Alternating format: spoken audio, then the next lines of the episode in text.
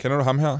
Jeg har fået et spørgsmål fra Tobias, der spørger, hvordan jeg holder mig positiv, når jeg får hate-kommentar. Ja, jeg kender ham fra i dag. Jeg sletter bare kommentar. Ja. Hvis der kommer en hate-kommentar, jeg sletter den bare. Så er den ud af verden. Kæmpe energi, jo. Længere er den ikke. Sindssyg energi. Ja. ja. Så, men tak for Ham, Det er øh, meget svedigt. Altså, ja, jeg elsker ham. Jeg lide ham. ham skal vi tale om senere, eller tale med senere. Han hedder Andreas Brylle Nielsen, og han har øh, 16.000 følgere på TikTok. Mm-hmm. Øhm, og han er altså, jeg tror, han, hvis man skal finde en, som er positivitet på sociale medier, så er det ham. Ja. Altså alt omkring ham er bare øh, glæde og dejligt. Bortset fra, han kan ikke lide McDonald's, fandt jeg ud af i dag. Ah, Jeg ved ikke, hvor langt du har været nede i hans feed, men ja, det fandt jeg ud af. Han spiser ikke hos McDonald's. Nej, og så når man læser kommentarerne, så er folk også sådan, ej, hvor er du fornuftig. Mm. Altså, der er ikke engang der, er der øh, noget negativitet. Nej. Det synes jeg er ret sindssygt. Nå, Sebastian Mm-hmm. Lyngård, Simpelthen. velkommen til. Tak skal du have. Du er jo også øh, kendt som herlig Svend. Mm-hmm. Jeg kan lige, øh, til dem, der ikke kender dig, så når man ser din story, så, øh, så er det jo altså øh, sådan noget som hundevalpe, små grise, flotte landskaber, Mhm. mm-hmm. lyserødt og dejligt. Ja. Og øh, så kommer vi også ind på alt det andet, du lige deler øh, lige om lidt. Ikke? Fordi det er ikke kun lyserød naivitet og glæde, der er et formål med det hele. Men vi skal også øh, tale om øh, Zulu Awards, Nå, meget ja. kort. okay. Øh, fordi, øh, Har du vundet noget, altså? nej, men, øh, men, men det her med at sprede glæde, øh, er jeg ligesom inspireret fra, at jeg så Zulu Awards i weekenden. Nå. Blackmans tale, du ved. Nå, ja. Yes. Nej, det var ikke det. Wow. Så du det? Ja, jeg så godt den tale der. Det er det værste, jeg har set i mit liv. Det var sindssygt. Det var et øh, fald fra tænderne, vil jeg sige. Ja.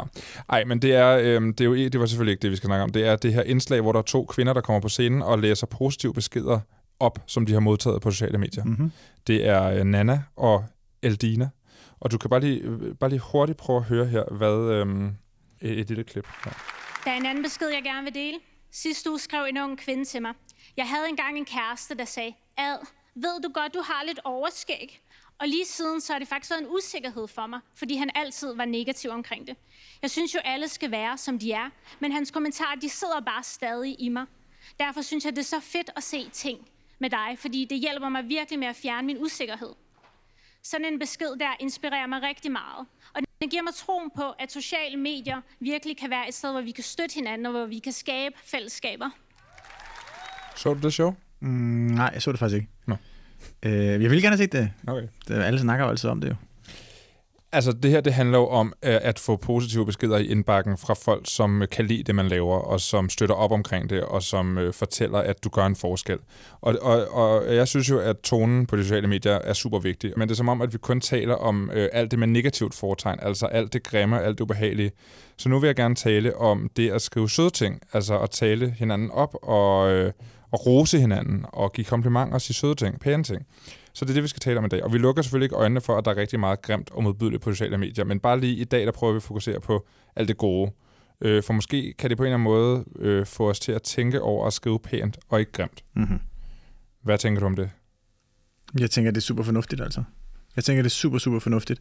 Jeg tror, at, øh, at, at man, når man har snakket om tonen på de sociale medier, som du også øh, selv siger der, så det virker det ofte som om, at det bliver sådan meget en for eller imod ting. Ikke? Altså, øh, så kan man sige, at jeg tror, der er nogen, der har resineret for meget om det, og tænkt, jamen altså, vi får ikke mere ud af det, end det vi får. Mm. Det er bare altså altid nationen.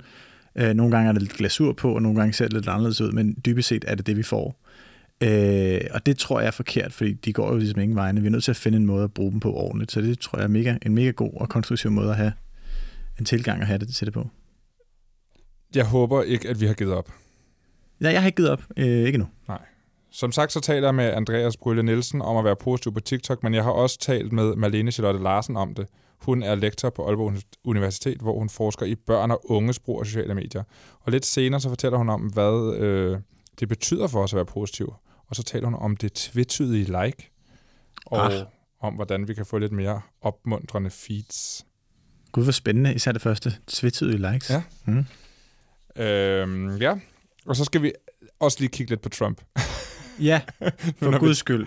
Ja, ej, det er ikke for at En ødelægge positiv den- tone. det er ikke for at ødelægge den gode stemning. Og vi taler heller ikke så meget om hans ugerninger og alt det der. Men vi skylder bare lige at følge op på en historie. Og det er jo altså for, for, for længe siden øh, snart øh, har vi jo hørt om ham og fra ham på, på sociale medier. Og øh, han blev jo smidt af de sociale medier. Og det gjorde han efter, at han tabte valget, og at dem, der prøvede at stormløbe kongressen, de øh, ikke lykkedes med den her plan om at omvælte hele det amerikanske system. Men hans bortvisning blev, øh, som faste lytter af programmet ved, anket ved Facebooks højesteret, altså det her Oversight Board, tilsynsrådet. Og siden da, altså den, siden den 7. januar, har de overvejet, skal han tilbage, skal han ikke tilbage. Og de har taget en beslutning i dag, Oh yes. for et par timer siden. Ja. Og du får svaret til sidst i programmet, om han kommer tilbage eller ej. Det taler jeg med Aske Kammer, som er medieforsker ved DMJX om lidt senere i programmet, og jeg ringer også til Katrine Villarreal Willumsen, som er SOMI-analytiker ved kongressen.com, altså et online-medie, der beskæftiger sig med amerikansk politik. Jeg kan næsten ikke vente. Jeg har faktisk prøvet at læse det, og jeg forstår det faktisk ikke rigtigt, så jeg har brug for din hjælp. Ja, men der er heller ikke sådan helt entydigt svar, faktisk. Nå, ej, spoiler. Velkommen til All Caps, velkommen til dig, herlige Svend. Ej, tak. Sebastian Lyngård, mit navn er Anton Gade Nielsen. Sebastian, Mm-hmm. som sagt er du manden bag Herlige Svend, Instagram og min profil. Yep. Og Kan ikke det, løbe fra det længere. Ikke længere. Ikke løbe fra det længere i hvert fald. nej, nu har jeg brugt dit navn flere gange. Ja, trolden er ude af æsken. første gang, du var med i All Caps, der, der ville du bare hedde Herlige Svend. Ja, jeg svedte meget under vores øh, snak sidst. Er det Eller rigtigt? første gang, jeg var med. Altså, øh, øh, hvad er, kan du ikke lide, fordi det, det kunne ikke, der er jo, der er jo, tro det eller ej, nogen, der ikke har hørt alle afsnit af All Caps, så får What? de uindvidede, og dem, som måske heller ikke øh, er så meget på Instagram. Så prøv lige at fortælle om øh, din øh, Instagram-profil. Mm. Mm-hmm. Det, som du i Femina har kaldt for et digitalt forsamlingshus, hvor mænd kan tale om MeToo. Ja, Jeg ved ikke, om det er dig, der har kaldt det. nej, det om tror jeg, jeg kan Femina selv. Rosenbæk, øh, en god øh, journalist der. Ja. Øhm, men, men perfekt beskrevet, altså. Okay, altså Herlig Svend øhm, er jo, hvad kan man sige, en ode til Svend Herlig fra Bamse og Kylling. Bamses alter ego, Ja. og øh, et alter ego, som er fuldstændig, øh, som i virkeligheden er Bamse på crack. Altså øh, Bamse i et tyldskørt, stor hat, sparker døren op, kommer ud og synger og danser. Altså, er det noget, der sker i... Det sker rent faktisk. Ikke det med crack, Anton, men altså, det resten, det sker faktisk. Fordi jeg læste det godt, og jeg, har, jeg kan simpelthen ikke genkalde mig det der. Nej, nej, men du skal google den der øhm, øh, Svend Herligs bryllupssang, så kan det være, du kan huske det bedre. Den er Okay. okay. sindssyg. Den er helt sindssyg banger. Øhm, det kan I også gøre derude. Sæt mig lige på pause. Jeg går i vej. Ja. Øhm, men øh, det er sådan set det alter ego, som jeg, jeg er gået efter. Øhm, det har bare handlet om at sprede glæde. Det var det, det handlede om fra starten af.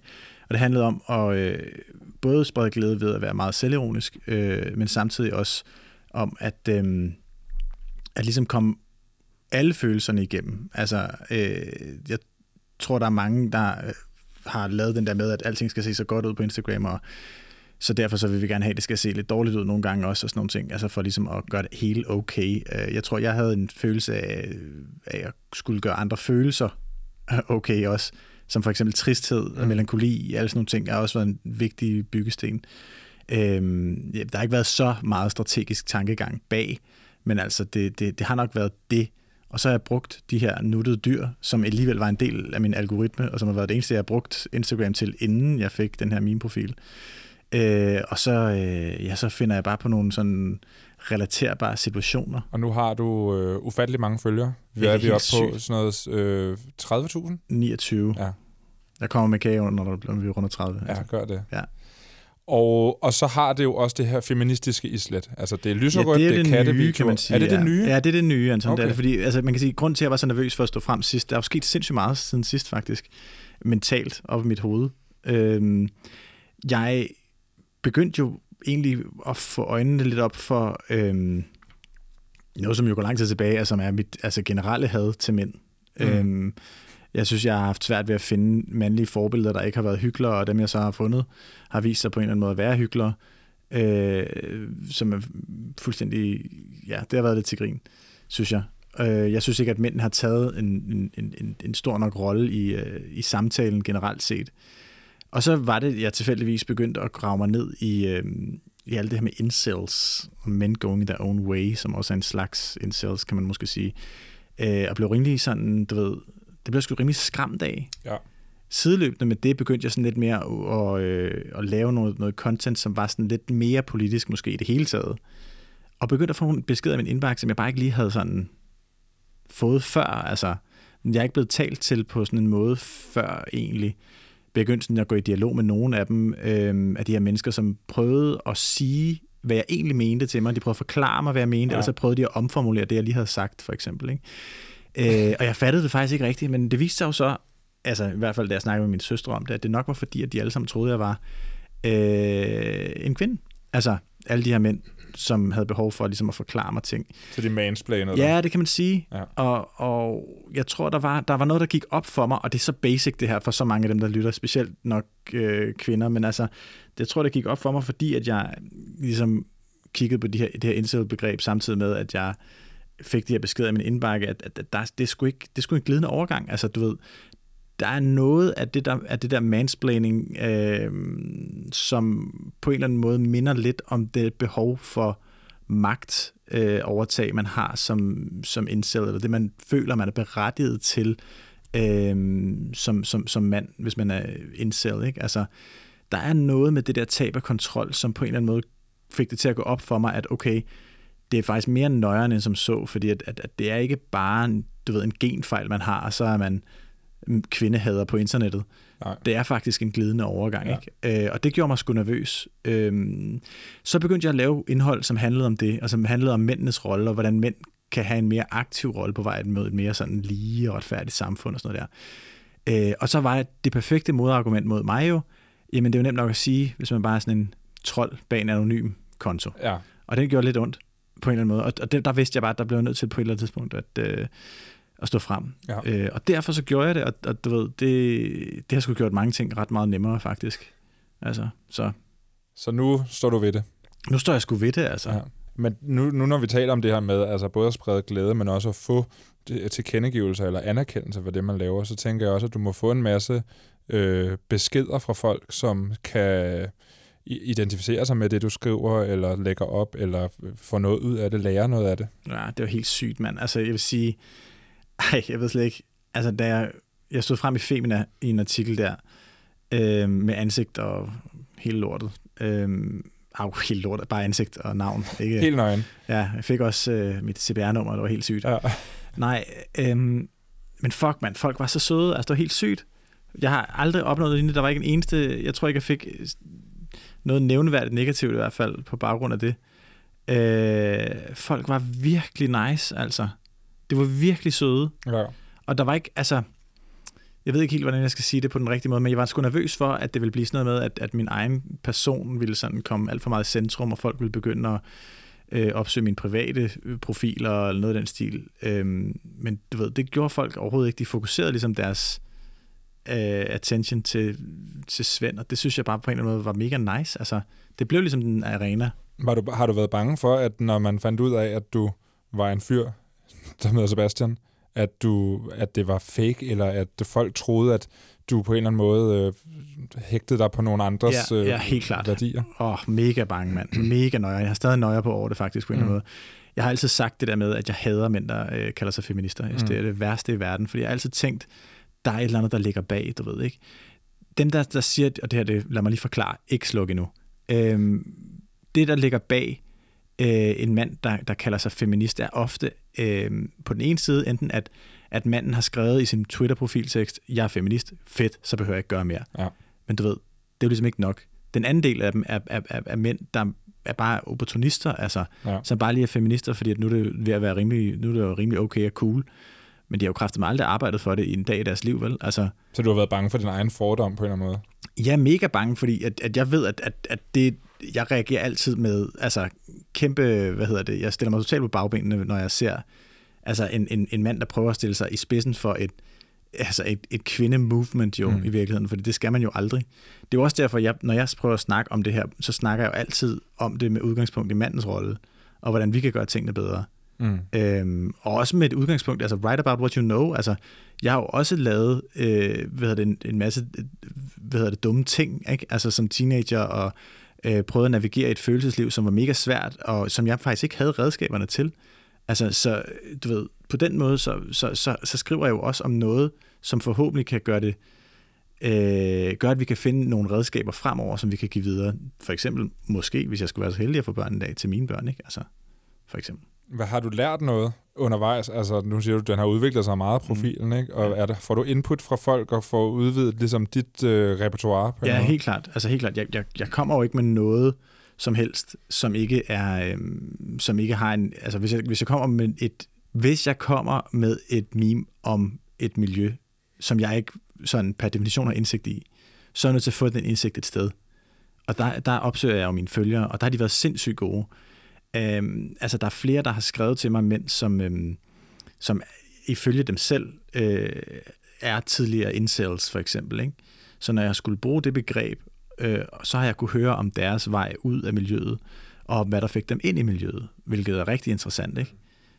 Øhm, det, det har jo så for eksempel gjort, at jeg kunne skrive, som jeg så lige har gjort i dag, hvor vi optager om, om breakups, om hvorfor, hvorfor det kan være, at, at nogle mænd, øhm, du ved, der skal et breakup til i gymnasiet, og så, de, så kommer de ikke tilbage. Altså så den sorg, det bliver til vrede, og den vrede, det bliver ikke til vrede mod en kvinde, men alle kvinder. Ikke? Mm.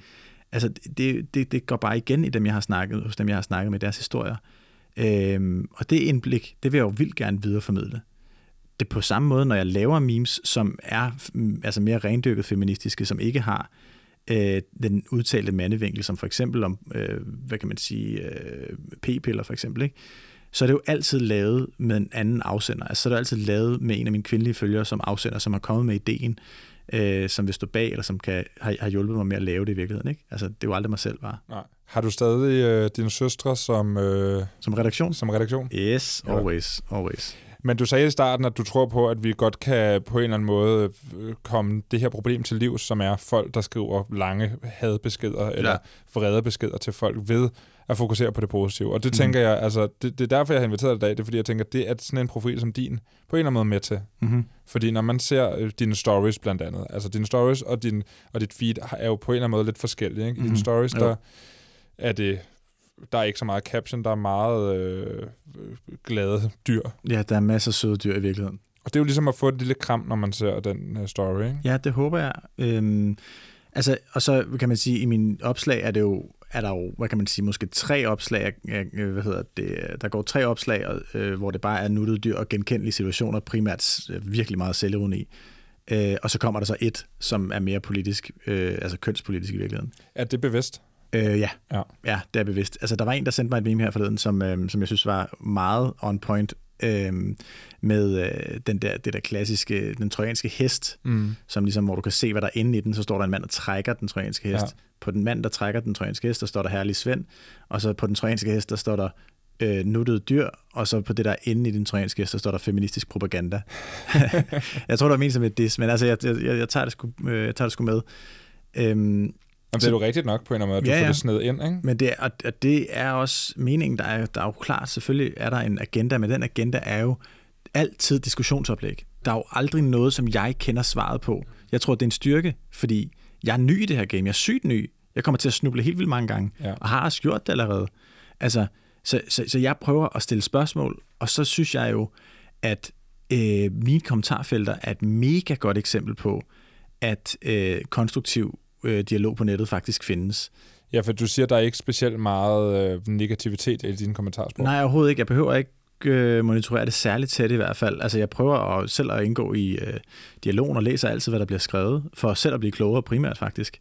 Øh, men der, jeg har total respekt for, øh, for de her følgere, eller de her mennesker, som har lyst til at følge mig, fordi altså, det er vildt at se, hvordan de gør mig og hinanden øh, klogere, hvordan de respekterer hinanden. Det er meget sjældent, at folk er fuldstændig enige, men, men de kommer sgu aldrig op og skændes. Altså, der er sgu god nok stemning. Men det er jo vildt. Ja. Faktisk. Det, er, det er fucking vildt. Jeg fatter det heller ikke. Altså, jeg, jeg er faktisk virkelig overrasket over det, fordi jeg har hele tiden tænkt, at når man begynder at snakke om de her ting, så, øh, jamen altså, det er pisse, det er jo sprængfarligt, altså. Ja. Men altså, folk er bare virkelig, virkelig gode ved hinanden, faktisk. Vi, vi kunne snakke uendeligt om det her, men det har vi ikke tid til. Nej, for helvede. Øhm, så lad os lige hoppe videre. Vi har jo talt med Malene Charlotte Larsen, som er lektor på Aalborg Universitet, øh, hvor hun forsker i børn og unges brug af sociale medier. Og vi har talt om, øh, hvordan vi kan ændre diskursen, så vi, så vi får en mere positiv tilgang til hinanden på sociale medier, og taler pænt til hinanden, og hvad det vil gøre for os at have den indstilling til sociale medier i stedet for. Prøv at høre, hvad hun siger her. Hej Malene, jeg ved, at du også så Sula Awards i weekenden. Hvad synes du om det der indslag, hvor der blev læst op af nogle positive beskeder fra sociale medier? Ja, lige præcis det der indslag øh, har jeg set. Jeg har nu ikke set hele awardshowet, men det der indslag okay. øh, øh, fangede jeg lige. Og jeg synes jo, at det er rigtig dejligt, at vi også kommer ind øh, bag om alt øh, det grimme, der florerer på de sociale medier, fordi det, grund til, at man har den her følelse at det hele er, er øh, dårligt sprogbrug, og tonen er hård og kraft. det er også fordi, det er det, der kommer frem og dukker op i øh, det feed, man selv får øh, serveret af algoritmen. Det er jo sådan, at det, der forarver, og det, der skaber kritik, og det folk bliver sure over, det er det, der også øh, lettere går viralt, i hvert fald på et medie som, øh, som Facebook. Øh, så, så man kan godt sidde med den der fornemmelse af, at det hele er bare, øh, er bare sådan noget, hvor folk er sure og taler grimt til hinanden, især hvis vi snakker sådan den offentlige debat, øh, diskussioner om politik og corona osv. Og, og så er det jo ikke nødvendigvis, at alt, alle de søde beskeder, der florerer i øh, private indbakker, det, det dukker op. Så på den måde er det jo rigtig fint, at vi får øh, nuancerne frem og får fundet ud af, jamen, altså, hvor meget det faktisk betyder, at man lige tager sig øh, tid til også at skrive øh, nogle søde og opbakkende beskeder til hinanden. Hvad tænker du, det er mere fordrende for den gode tone, at vi netop fremhæver de gode ting, og ikke kun taler om de grimme ting, eller de grimme øh, måder at tale til hinanden på på sociale medier?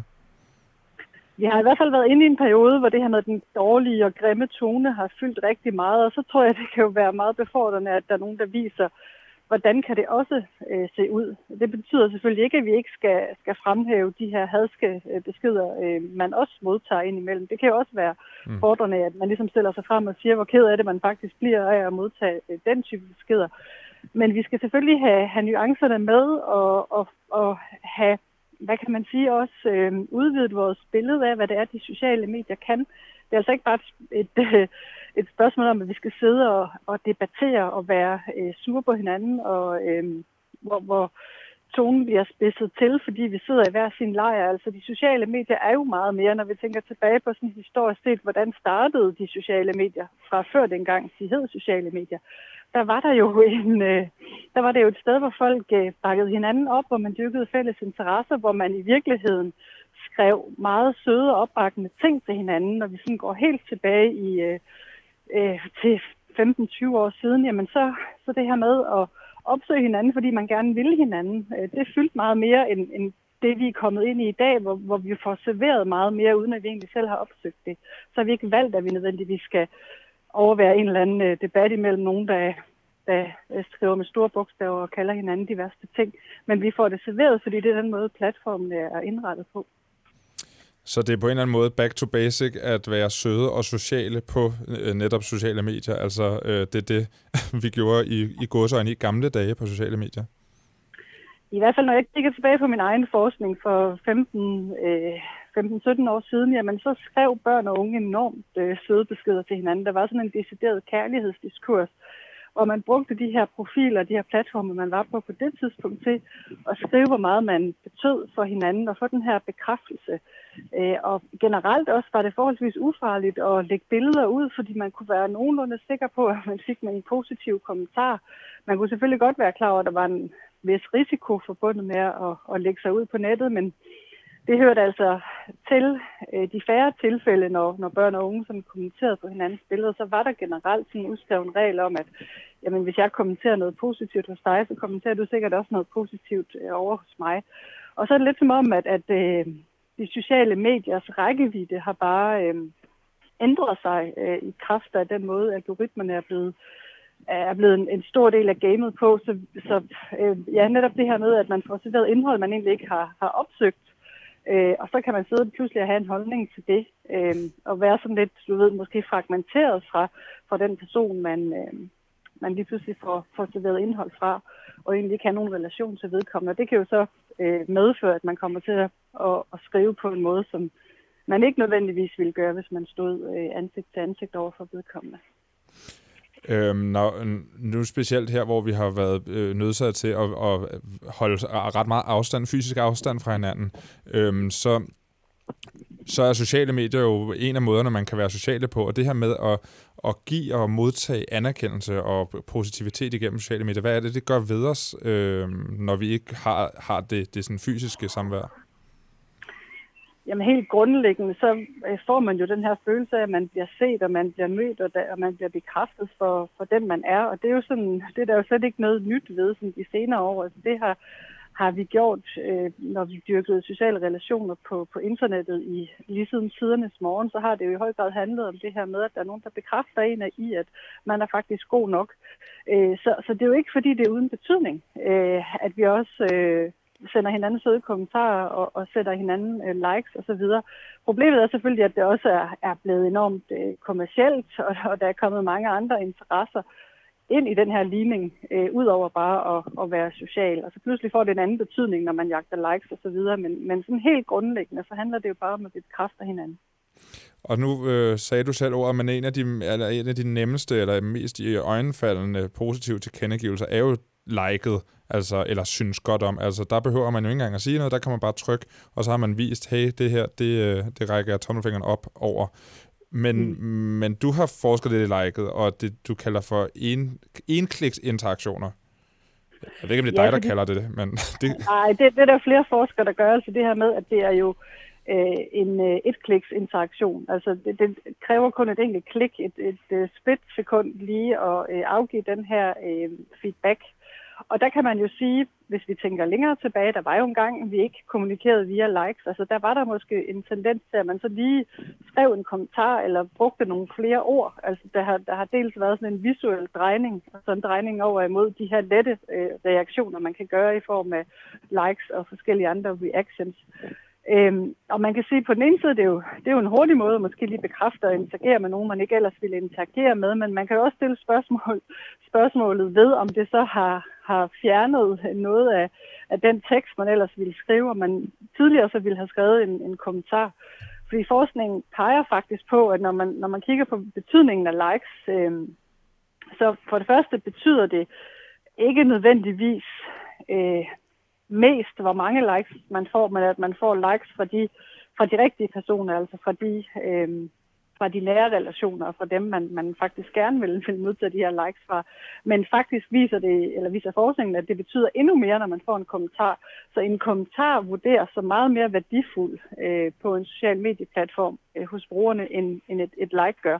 Og det er jo selvfølgelig også fordi, der så er et element af, at like bliver, øh, eller at likes bliver en lille smule udvandet. Altså fordi, hvad vil det egentlig sige øh, at få det her like, og hvad betyder det?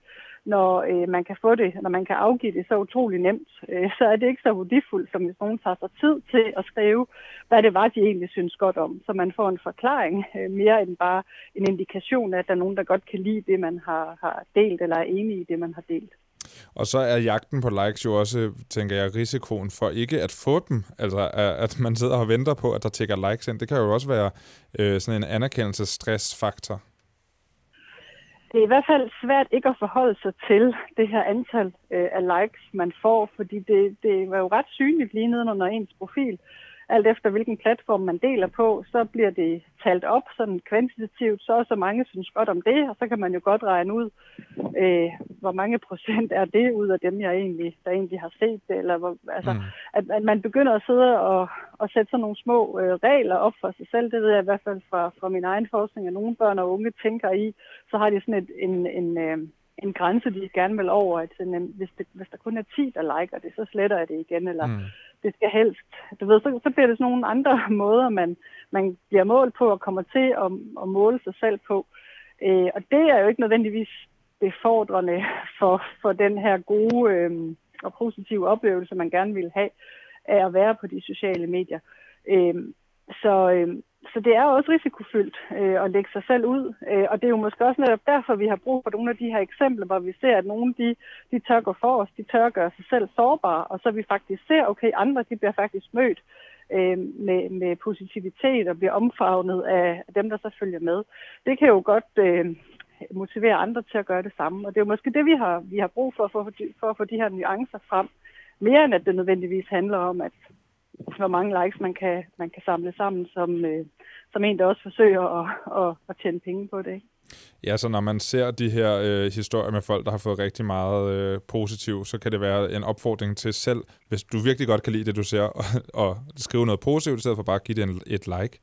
Men hvis man, øh, hvis man derudover sidder derhjemme og synes, at man har fået sådan lidt negativt feed, eller mangler sådan de gode historier, som blandt andet dem her, vi fik fra Sula Awards, hvad, altså, har du så nogle råd til, hvordan man laver, hvordan, hvordan man på en eller anden måde kan trigge algoritmen eller feedet til at blive mere positivt? Ja, man kan i hvert fald godt forsøge, øh, så godt man nu kan, ja. at tage ejerskab over sit feed, fordi vi er selvfølgelig op imod nogle algoritmer, der har nogle, øh, ikke at de har en holdning, men de er jo programmeret til, at vi skal se nogle bestemte ting, som jo øh, primært er ud fra nogle øh, kommersielle interesser.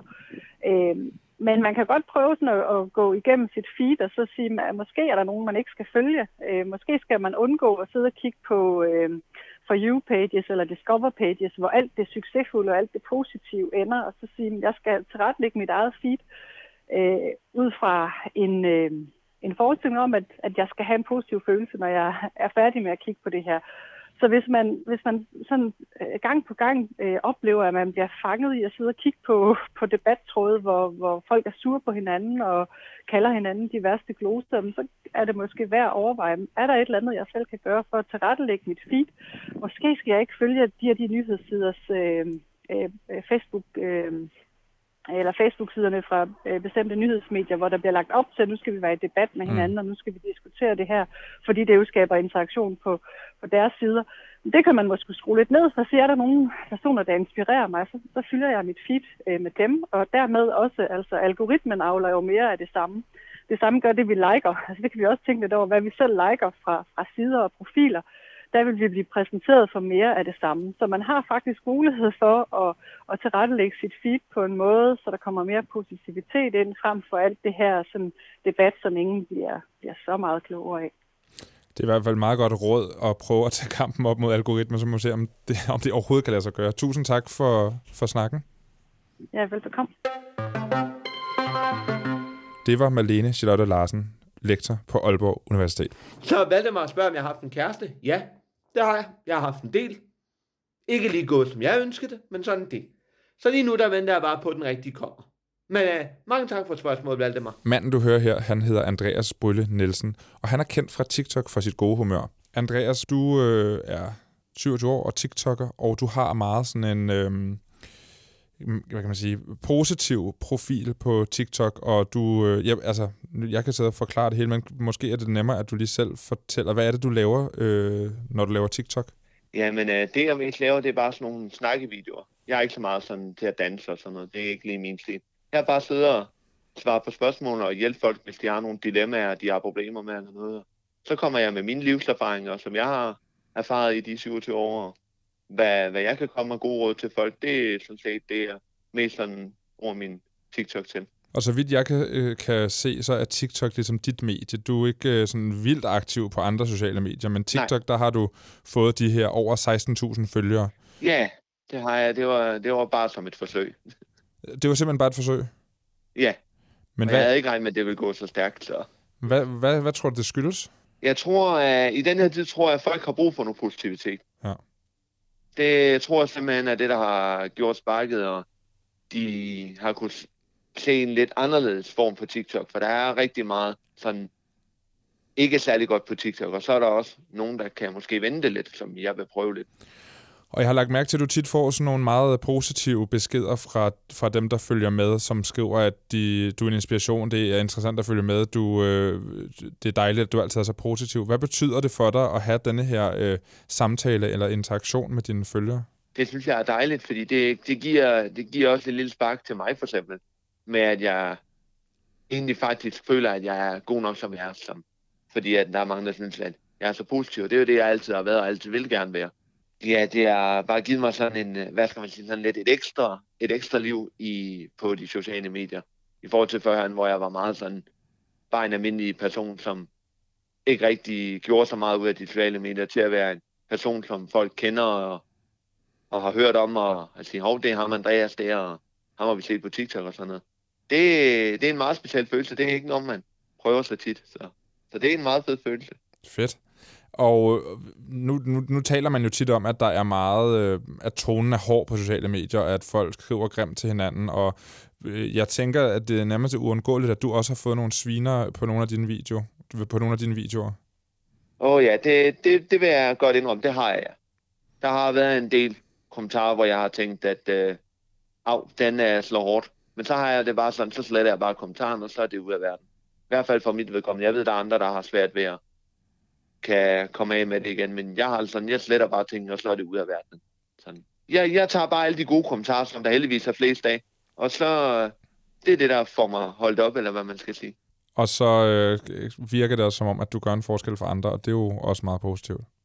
Ja, det synes jeg også. Det, det er dejligt at se folk, de, de, de bliver så glade og tager imod min positivitet. Det, det er det, der får mig til at fortsætte, som hvis man kan sige sådan. Prøv at høre, tak. Det er, det jo dejligt lige at få, få snakket med dig, og øh, ja, jeg giver, jeg giver dit handle videre til alle dem, der lytter med, så kan de også gå ind og, og følge dig inde på TikTok. Kan du have en god dag? I lige måde, Det var Andreas Bulle Nielsen. Find ham på TikTok. Nu lægger vi låg på alt det dejlige, og så skal jeg høre dig. Øh, hvem kan du bedst lide, Trump eller Biden? altså, øh, ja, jeg kan nok bedst altså, lide Biden, tror jeg. Hvem er bedst at lave memes om? Ah, men det er, altså jeg kan ikke lave memes om Biden, altså fordi, altså, jeg har kørt en masse memes med ham som verdens ældste person, da jeg, øhm, altså, da, da jeg prøvede at dække det der valg der, øhm, som jeg heller ikke rigtig ved en skid om, sorry, men altså, jeg prøver. Øhm, men fuck, han er gammel at se på, mand. Han er så skrøbelig, jeg får så ondt af ham, jeg får ondt helt ind i hjertet. Det var han faldt. Der, hvor han faldt, så du det? Nej, det er forfærdeligt. Ej. Flere gange, og det var sådan en, jeg, jeg undrede mig så meget over, at det var sådan en nyhed i TV2-nyhederne den aften. Sådan, Ja. ældre mand falder på Præcis, en trappe. Sådan. Har du Ej. set det her billede her, øh, hvor han er øh, sammen med The Carters? Ja, det så jeg også godt. Hvad er det? Hvorfor er de lidt dukke hjem? Jeg kan ikke forstå det. Slap af, Henrik Ibsen, hvad der sker der? Altså, han er jo dobbelt så høj som... Jamen, det ser jo helt mærkeligt ud. Hvordan er det sluppet igennem en eller anden form for approval? Det forstår jeg simpelthen Det er ikke. det mærkeligste billede i verden. Jeg så faktisk et, hvor de havde øh, photoshoppet øh, ansigterne om. Har du set det? Nej, ikke andet. de Jeg har bare set, hvor de har photoshoppet dem større, dem der sidder i stolen. Eller The Carters. Nå, nej, det har jeg ikke set. det er ret sjovt. Nå, okay, nå, okay, så du kan bedst lide uh, Biden. Okay, sindssygt. Kontroversielt nok. Okay, mand. Men Øh, altså, for helvede, altså, du kan jo ikke stille sådan spørgsmål. Jeg vil gerne have en masse nuancer ind. Altså, alle der er derude, de skal vide, at Anton har klippet det her helt vildt groft. Jeg har sagt alle mulige nuancer, som er rigtig kloge, og havde en lang analyse. ja, ja, det ville have nærmest været sådan born unplugged. Præcis. Ja. Ja. Øhm, Tr- Trump blev jo smidt af Facebook øh, og alle de andre sociale medier efter det her stormløb på kongressen, hvor en hel masse Trump-supporter og QAnon-tilhængere på et meget falsk grundlag øh, prøvede at storme kongressen. Så i dag for nogle timer siden, der besluttede Facebook Oversight Board, om Trump skulle have sin profil tilbage, eller om øh, han, han skulle blive ved med at være øh, banned. Ikke? Mm-hmm. Og øh, Facebook Oversight Board, som der ikke ved det, er jo sat i verden for, at Facebook, øh, de er blevet sat i verden af Facebook som en uafhængig instans, men altså er lavet af Facebook, ikke? Og de skal vurdere, om Facebook selv har fejlvurderet i forbindelse med deres moderation af platformen. Og i den afgørelse, de har lavet nu af, om Trump skal tilbage eller ej, der skriver de, at de opretholder Facebooks beslutning om at udelukke Trump, men de skriver samtidig, at Facebook må finde ud af, om udelukkelsen skal være permanent, eller om den er tidsbegrænset, for lige nu har de bare skrevet på ubestemt tid. Ah. Og det betyder jo, altså, at vi kan åbne op i morgen. Altså, de, I bund og grund handler, handler, øh, handler beslutningen ikke så meget om Trump eller ej, men den handler om, at Facebook skal have nogle mere øh, gennemsigtige regler Aha. i forhold til det her. Altså, de har smidt bolden, skudt bolden tilbage til Facebook, og, om et halvt, og de har så fået et halvt år til at vurdere, om Trump skal udelukkes permanent eller inden for et eller andet bestemt tidsinterval. Okay. Øhm, jeg har talt med Aske Kammer om øh, den her afgørelse, og vi talte om det en halv time efter afgørelsen, så hvis alle nuancer ikke er med, så er det derfor. Cool. Det er lige sådan en lille disclaimer. Han er medieforsker ved Danmarks Medie- og Journalisthøjskole, og så har han også været med i All Caps før, hvor vi også talte om øh, Facebook Oversight Board. Hej Aske. Hej Anton. Så er der kommet svar på, om øh, Trump kommer tilbage på Facebook eller ej, eller altså ikke sådan rigtigt. Hvad, hvad, hvordan forstår du den, øh, den dom, som Facebooks Oversight Board har kommet med her? Jamen altså, det, der er jo ikke rigtig kommet et svar. Det er jo sådan lidt, øh, altså nu kan, nu kan vi vente et halvt år igen, fordi det, det som de skriver i deres dom, det er jo, at øh, altså Trumps, suspenderingen af Trump, den kan opretholdes, men Facebook bør inden for det næste halve år komme med en, hvad skal man sige, en vurdering af, om den her øh, bortvisning, som Trump har fået, om den skal være permanent, eller om den skal være midlertidig, og hvis midlertidig, hvor længe den så skal vare. Øh, men, men at situationen, som den er lige nu, hvor Trump sådan er udelukket på ubestemt tid, øh, at, at den går ikke. Altså der må være klare linjer i forhold til Trump, og hvornår han kan forvente, eller ikke kan forvente, at, øh, at komme tilbage på platformen. Så, så det er sådan et lidt underligt limbo-sted nu, fordi vi har fået den her øh, hvad hedder det, beslutning eller dom, eller hvad vi nu skal kalde det, fra, fra tilsynsrådet. Men det udskyder i virkeligheden bare selve afgørelsen, fordi den nu ryger tilbage til Facebook, som jo sendte den videre til tilsynsrådet i første omgang. Ja, og, og sidst vi to talte sammen, der, der, der studsede vi også over det her, den her formulering med, at det var på ubestemt tid, for det betyder jo, altså det kan jo i bund og grund betyde, at du får den tilbage i morgen. Det kan også betyde, at du får den tilbage om 50 år. Det ved vi jo ikke. Øh, så, man, men er, er formålet med, altså formålet med over, det her oversight board er jo, at det er dem, der skal tage beslutninger, ikke Facebook. Og nu er de så sendt den tilbage til Facebook, så, så, så, så hvad så? Altså, hvad, hvad er hensigten eller formålet med oversight boardet så? Jamen, det er, jo, det er jo et godt spørgsmål. Altså, jeg tror, at tilsynsrådet i den her sag, de, de har ligesom, øh, hvad skal man sige, altså, de, de har, de har besluttet sig for, at, at den her, der bliver Facebook nødt til at have nogle politikker på plads, som de kan agere efter. Og den her suspendering af Trump på ubestemt tid. Altså det, det, det bliver Facebook simpelthen nødt til at løse det problem med at mm. få nogle politikker til at håndtere den type, type problemer. Og det er ikke op til, til tilsynsrådet, i hvert fald i tilsynsrådet, deres egne øjne, at formulere de politikker. Øh, så, så det de egentlig siger, det er jo, at de sender tilbage til Facebook og siger, at det her det må I simpelthen gøre bedre. Øh, vi kan ikke navigere øh, i det her, det kan jeres brugere så i øvrigt heller ikke. Oversight Boardets beslutning kommer i virkeligheden mere til at handle om øh, Facebooks retningslinjer, og hvordan Facebook forvalter den magt, de selv ligesom har etableret, øh, mere end det handler om, Donald Trump skal tilbage eller ej?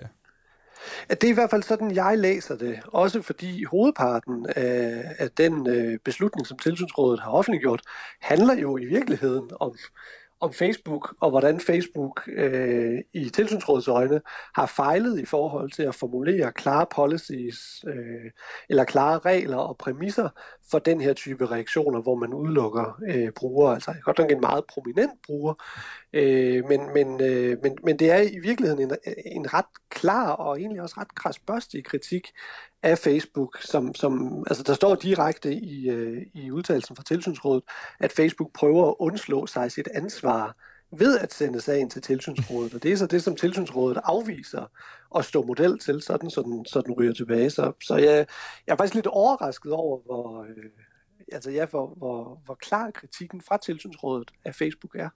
Og hvad er det, altså det, det her, du siger, de, de, de vil ikke tage ansvar Facebook selv, men hvad er det ellers, at de, det, det lyder lidt som om, at, at oversight-boardet giver fa- Facebook sådan, siger det Facebook, I kan ikke bare lave reglerne as we go. Altså, du, I vil nødt til at, at holde, lave nogle mere klare regler. Kan du ikke tale, sige lidt mere om det?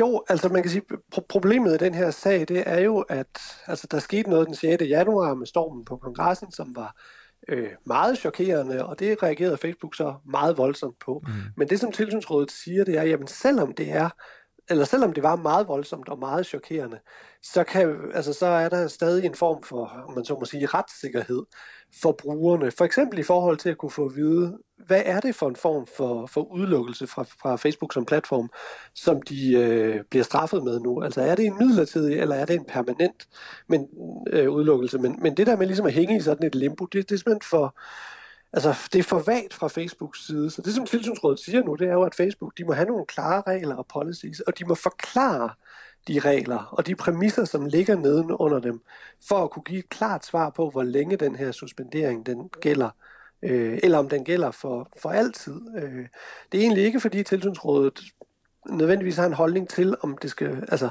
hvor kort eller lang den her udelukkelse skal være, men, men de, øh, de, de går egentlig så langt som til at sige, at Facebook må, må give et klart svar på, hvad, hvilken type udelukkelse det er, der er tale om her den kritik, den, den svarer jo meget godt til noget af den kritik, som der også er blevet rejst nogle gange her i All Caps, altså at man nogle gange ikke ved, hvad det er, man bliver straffet for af Facebook. Tror du, at denne her, øh, denne her øh, dom, eller det her, som Oversight-boardet siger til Facebook, også kan komme til at smitte af på almindelige brugere, som ikke er øh, tidligere præsidenter, der opfordrer til revolution, men altså bare ganske almindelige mennesker, som ikke helt forstår, hvorfor deres øh, Instagram-profil er blevet slettet, for eksempel?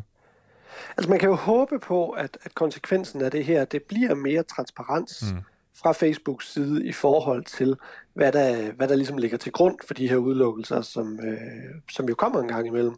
Og hvor det nogle gange er lidt uigennemskueligt, hvad det egentlig er, man har gjort, og hvad konsekvenserne af det egentlig er. Øh, og, og man kan jo godt læse tilsynsrådets øh, beslutning her som netop en opfordring til øh, øget transparens. Jeg, altså, nu kan man sige, nu, nu er det jo så sjældent, at vi har øh, altså statsledere og præsidenter, der, der sådan er ude og, og netop øh, hvad skal man sige, opfordrer til en eller anden form for revolution eller, eller opstand. Øh, så, så på den måde er det jo også en meget, meget særlig sag. Men, men, men hvis den ligesom kan have den konsekvens, at Facebook som virksomhed, altså både på Facebook og på Instagram, bliver klarere i forhold til, klarere og mere transparente i forhold til, hvad det er for nogle regler og præmisser, der gælder, så vil det der være et, øh, et, et, et positivt udkomme af det, tænker jeg. Det må man sige. Så vi håber på mere gennemsigtighed, og så øh, Aske Kammer, så ringer jeg til dig om et halvt år igen, så vi kan fortsætte den her følgetong. Ja, men det er så hyggeligt altid at være med. det er godt. Tak for hjælpen. Det var også lidt. Det var Aske Kammer, medieforsker ved DMJX, altså Danmarks Medie- og Journalisthøjskole. Noget, der var interessant ved den her snak, øh, og som vi to snakkede om sidst, du var igennem sammen mm-hmm. med bloggersvinet, ja. det er det her med øh, gennemsigtigheden. Altså, øh, er, hvad er det, jeg bliver straffet for? Hvordan bliver jeg straffet øh, på Facebook eller på Instagram from Facebook? Ja. Altså, øh, du var shadowbanned i en periode, følte du? Øh, ja, altså jeg har stadig ikke, jeg er stadig kommet tilbage på samme reach, som jeg var dengang. Og, og, og, og altså sådan en beslutning, som Oversight-boardet her laver på Facebooks vegne, kan måske, måske ikke, det ved vi jo ikke, men måske kan det smitte af på helt almindelige brugere, at man får noget mere klarhed omkring Det var den første, jeg tænkte, det var det første, jeg tænkte, da du sagde det. Ja. Jeg synes, det er genialt, hvis man kan få noget mere gennemsigtighed. Altså, i forhold til hvilke, altså ja, vi ved godt, hvad for nogle ting, man bliver straffet for, men altså, hvad er konsekvenserne mere konkret, og mm. hvor lang tid varer de konsekvenser? Ikke? Altså. Lige præcis. Ja. Jeg har også talt med Katrine Villarreal Willumsen, som er SOMI-analytiker hos kongressen.com, som er et netmedie, der handler om amerikansk politik. Vi har talt om fraværet af Trump på sociale medier, og hvordan Biden klarer sin online tilstedeværelse. Hej Katrine Villarreal Willumsen. Hej. Hej, nu er det jo, nu har vi været for uden Trump på de sociale medier, og, og for den sags skyld i præsidentembedet øh, i noget tid. Altså, har, har det været dejligt med, med en pause? Altså jeg sige, jeg bliver ikke ringet op øh, nærmest dagligt af, af danske medier længere, fordi at øh, præsidenten har tweetet 35 gange i løbet af, af natten dansk tid, eller har startet en eller anden atomkrig på Twitter med, med en anden nation. Øh, så, så det har det været rigtig dejligt at, at lige øh, få et lille break derfra, kan man sige. Øh, jeg tror også, at en som Joe Biden, som jo er præsident i USA nu, øh, har fået en del arbejdsro, fordi han ikke hele tiden har skulle forholde sig til, at en af hans øh, opponents, øh, altså en af republikanerne, eller øh, Trump sidder og tweeter eller øh, launcher angreb mod ham på sociale medier via sin, sin Twitter. Øh, så han har simpelthen haft tid til at, at tage sig alt det politiske og, øh, og, og styre øh, det, der skal ske i USA, uden at skulle øh, forholde sig til øh, mediernes historie om, at, at Trump har tweetet et eller andet i løbet af, af natten. Så på en eller anden måde øh, godt for alle. Så der er i hvert fald blevet mere, mere ro på. Mere ro på. Ja, men det har vi også brug for lidt. Vi må, vi må jo vente lidt med at finde ud af, om Trump for alvor er blevet udelukket, eller hvor lang tid for den sags skyld, fordi Oversight-boardet her har sendt bolden tilbage til Facebook og sagt, at øh, I bliver simpelthen nødt til at være lidt mere klar i spyttet om, hvad det er for nogle regler, I selv har lavet, og så følge dem. Og vi har jo talt om det før, men Trumps tilstedeværelse på sociale medier er jo meget ulig noget andet, vi nogensinde har set fra et statsoverhoved. Altså han tweetede utrolig ofte og delte til tider misinformation, fik fjernet tweets på grund af øh, misinformation, og var på mange måder altså en kontroversiel skikkelse, også på sociale medier. Så nu øh, i, i hans fravær, og fordi han jo ikke længere er præsident, så har vi jo så, så USA fået øh, Joe Biden som præsident, og han er jo også på sociale medier men han er ikke helt lige så højrystet. Altså, hvad, hvordan er Biden i forhold til Trump? Er han mere som, som man kunne forvente af en præsident, eller er han måske ovenikøbet lidt ekstraordinært kedelig? øh, det er i hvert fald en lidt anden frekvens, han tweeter i. Øh, altså nu hørte jeg her forleden, øh, øh at øh, Trump han lå et gennemsnit på 35 tweets om dagen, og øh, i Bidens første 100 dage som præsident, der har han ligget i gennemsnit 6 tweets om dagen. Så det er jo en anden frekvens, de bliver spillet ud med. Øh, så, øh, så det er en ting. En anden ting er, at, at det han ofte øh, tweeter, eller det han deler på sin Facebook for den sags skyld, jamen det er sådan nogle lidt mere... Øh, hvad hedder sådan noget, statsagtige ting. Mm. Altså det er, det er fine ord om, at nu skal vi øh, alle sammen blive vaccineret, og øh, USA går jo en, en flot fremtid i, i møde, og klimaet skal reddes osv. Altså det er sådan noget, man kan forvente af, af en præsident, øh, og, øh, og der er ikke nogen tvivl om, at det kommer fra øh, Bidens egen kommunikationsafdeling, øh, som også har lavet nogle flotte grafikker og nogle flotte redigerede videoer. Altså der er, det er ikke særlig håndholdt, som vi kendte det fra, fra øh, Trump, hvor man også kunne se, at noget af det, det kom måske fra Trumps eget øh, soveværelse kl. 3 om natten, hvor hans øh, ansatte var gået hjem og ikke havde kunnet øh, stoppe ham fra at trykke på knappen den form får vi slet ikke fra, fra Biden. Altså det er meget kalkuleret, det er øh, planlagt over i kommunikationsafdelingen, øh, og det handler om alle de her visioner, Biden har for, øh, for USA. Så det er i virkeligheden mere sådan en, en stor reklamesøjle for hans præsidentskab, end det er den her personlige tilgang, som øh, Trump havde særligt på Twitter. Ja, og det, og, men det er jo interessant, fordi øh, altså det, man kan mene, hvad man vil om Donald Trump, men han, man, man må alligevel sige, at han var god til øh, Twitter. Han var god til sociale medier. Han var god til at engagere og aktivere og få sine budskaber ud øh, bredt, og ikke kun på Twitter. Så, øh, så hvad, gør, hvad gør den måde, øh, Biden gør det på ved, ved hans, øh, ved hans me game? Altså nu er jeg jo ikke i Bidens kommunikationsafdeling, så jeg ved ikke øh, helt, hvad han får ud af det, altså hvad deres Men hvis man ser det udefra, altså sådan, er det, ja. gør det ham, er han mere troværdig, eller er han, virker det mere... Øh, sådan, ja, kalkuleret? Altså det virker jo mere øh, kalkuleret. Det, der er ikke for mig nogen tvivl om, at der sidder en længe kommunikationsmedarbejder og planlægger de her ting. Det er ikke Biden selv, der går ind og trykker på knappen. Øh, så han får da sendt sine budskaber ud, og jeg kan da også se, at han sender en masse annoncer ud via Facebook for eksempel, som han sikkert rammer en masse øh, målrettede grupper øh, med og får drevet nogle donationer og andet mobilisering via.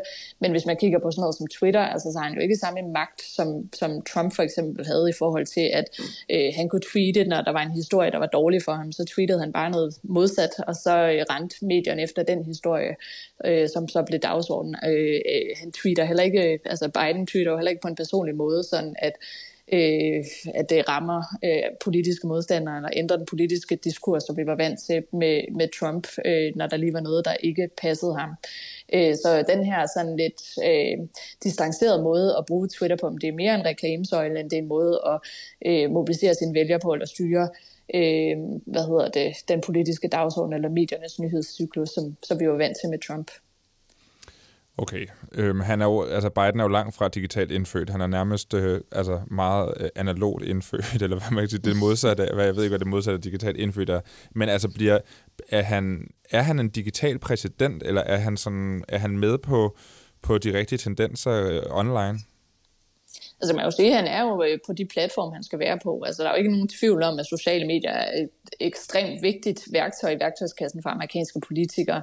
Øh, det er der rigtig mange amerikanere får deres politiske nyheder i dag. Det er der, man kan drive donationer. Det er der, man kan mobilisere sine vælgere og målrette budskaber ned til øh, nederste øh, niveau, når man skal kalde det.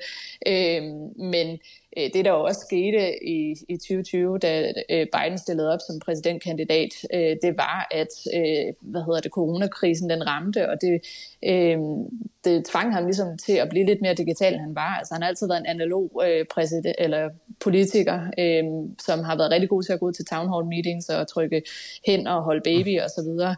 Øh, og det kunne man jo ikke lige pludselig, fordi man skulle holde afstand og ikke øh, måtte øh, trykke hen og kramme og så videre længere. Øh, og så blev han lige så tvunget til at, at få hele kampagnen online, og det er jo egentlig også gået okay. Han har faktisk drevet øh, en ret god øh, engagement og nogle ret gode resultater mobilisering online, så jeg tror, han har fået øjnene op for i hvert fald, at det er der, øh, man også i stor stil i dag fører valgkamp og fører sit præsidentskab. Øh, men altså, det er jo ikke på samme måde, hvor han hele tiden blander sig i debatten via for eksempel sin Twitter, øh, som ja. vi er vant til med Trump. Okay, så det er på mange måder efter bogen, og derfor måske også en lille smule uden svung. det er lidt kedeligt i hvert fald. Altså, jeg startede med at sige, at jeg var glad for, at jeg ikke øh, bliver ringet til hver evig eneste dag af danske medier længere, men jeg vil også sige, at der altså, må godt ske lidt mere. Men Nå, men, jeg keder mig lidt. Men så er der jo sket det, at der er kommet et billede ud af herr og fru Biden, sammen med herr og fru Carter, altså tidligere præsident Jimmy Carter og hans kone. Øhm, har du set det billede? Ja, jeg har, set, jeg har også, øh, jeg tror også, jeg har delt i alle mulige afskrivninger, som så har lavet nogle ekstra memes oven på det her billede. Hvad er det, en gang for alle, du er SOME-analytiker hos kongressen. Hvad foregår der på det her billede? Hvorfor er han så gigantisk stor, Joe Biden? jeg, ved, jeg, jeg ved det ikke. Altså, jeg har læst, jeg ved ikke, mange analyser af det her billede, som allerede er blevet skrevet, øh, hvilket jo også er, er helt gak. øh, men, men det gør man i dag. Øh, men hvad hedder det? Altså, der er nogen, der siger, at det er noget med vinklen, det er blevet taget fra. Altså, han har, altså de, de, de ligner jo sådan nogle hobbits, de her små øh, tidligere præsident Carter og, og, og fruen der. Øh, jeg, jeg kan simpelthen ikke øh, regne ud, hvad der sker. Men det er i hvert fald øh, ret underholdende, og det kan man også se, fordi det er jo gået fuldstændig viralt på sociale medier. Det siger lidt om, om øh, hans tilstedeværelse på sociale medier, at det første, der går viralt for ham, er et billede, hvor han ser enormt stor ud. ja. Og som han sikkert ikke selv har, har bevidst har ville plante på den måde. ja, måske er han et geni. tak for det. tak for det, Katrine. Selv tak. Nu øh, er vi færdige. Ja. Men lige inden du går, så skal Ja. vi have uddelt noget content. Gud, ja. Ikke? Jo. Content jo, som er det her faste indslag i All Caps, hvor øh, gæsten og verden får lov til at anbefale et eller andet. Gud, du skal også anbefale noget? Ja. Tænk, hvis vi anbefaler det sammen. Jeg skal Ej. finde på noget nyt hver uge. Er det rigtigt? Ja. Du laver ikke andet end at sidde med den telefon. Altså. Nej, det er fandme. We all know it. Hvad vil du gerne anbefale? Okay, jeg ved ikke, om det her det gælder, vel? Men altså, jeg vil gerne anbefale noget musik. Må man godt det? Det må man godt, ja. Okay, cool. Så vil jeg gerne anbefale øhm, den øh, rapper, der hedder Yakuza. Okay. Kender du hende? Nej. Fucking badass, mand. I det hele taget, så har jeg fået øjnene op for Fuck You Music. Fedt. Altså musik, der bare giver dig en følelse af fuck jer alle sammen, når man cykler igennem byen, ikke? Hun er forvildt YA, det er ligesom starter på, ikke? vi lige prøve, jeg kan lige prøve at skrive mand sammen. Ja. Så vi skal høre den, der hedder Balenciaga. Okay, det er en dansker. Det er en fucking dansker, mand, Okay. ja. Overraskende. Kommer her. ¿Puedo ayudarte con algo? Balenciaga. ¿Qué? Balenciaga. No entiendo lo que quieres decir. Balenciaga. Me flock. Balenciaga.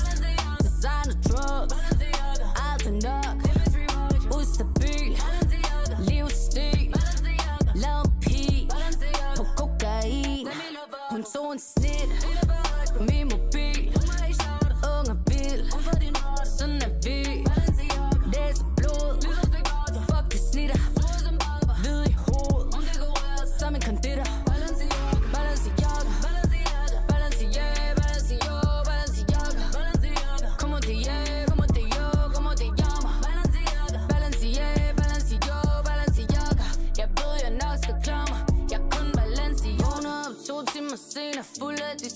Kan du høre det? vis. Det er fedt. Det er fucking fedt. Det er fucking fedt. God anbefaling. Der er ikke, øh, jeg tror, der er en ud over dig, som har anbefalet musik. Nå? Nå, men så, okay, men jeg har sådan en lille bitte anbefaling her, og det var en meme-profil, jeg opdagede i dag. Korsbæk Tidene, Ja, klasse. som jo er ret ny. Ja. Øh, som bare laver, øh, hvad hedder det, memes baseret på stills fra Matador. Øh, måder op og lægge sig. Sådan helt klart, det er jo en genial idé, Mhm. og den er lige til højrebenet. Og, øh, og, hvis, og, og men det kræver, at man har set Matador på en eller anden måde. Så, Yep. så det er min anden anbefaling. Nu laver jeg lige sådan en dobbelt anbefaling. Gå ind og se Matador på. Kontroversielt. Du skulle have gemt den ene til næste uge, sådan så nu jeg ved du, hvad du skal anbefale næste uge. Alle sad og så på de her memes og forstod det ikke. Nej. Hvor kommer det fra? Hvem er, hvem er hun? ja, så Korsbæk Tidene. Og så herlig Svend. Oh yes, please. Og jeg linker til dig og til os. Jeg vil også gerne linke den der artikel fra Femina, for jeg synes faktisk, den var ret god. Ja, den er meget god, ikke? Jo. Og jeg vil bare sige, at sexen derude i virkeligheden, det er helt hjernet, de der billeder der. Der er altså blevet brugt noget Photoshop skills. Det vil jeg sige. Altså, Altså, han, du- han smiler, fordi han ikke kan finde ud af, hvad man skal sige, men det er rigtigt. Ja, men det er fordi, du det synes, er ikke- rigtigt nok. Du synes ikke, du er så lækker i virkeligheden? Øh, ej, jeg er sådan rimelig gennemsnitlig. Det har jeg altid sagt. Jeg er meget gennemsnitlig på rigtig mange øh, fronter. Jeg synes, det står meget skarpt. Nå, okay. Jeg har også lige barberet mig i dag. Ja, okay. Mm. Tak for det. Tak for det. Det var All Caps for denne gang. Programmet er produceret på og af Enigma, Museum for Post, Tele og Kommunikation for Loud. Mit navn det er Anton Gade Nielsen. Vi ses.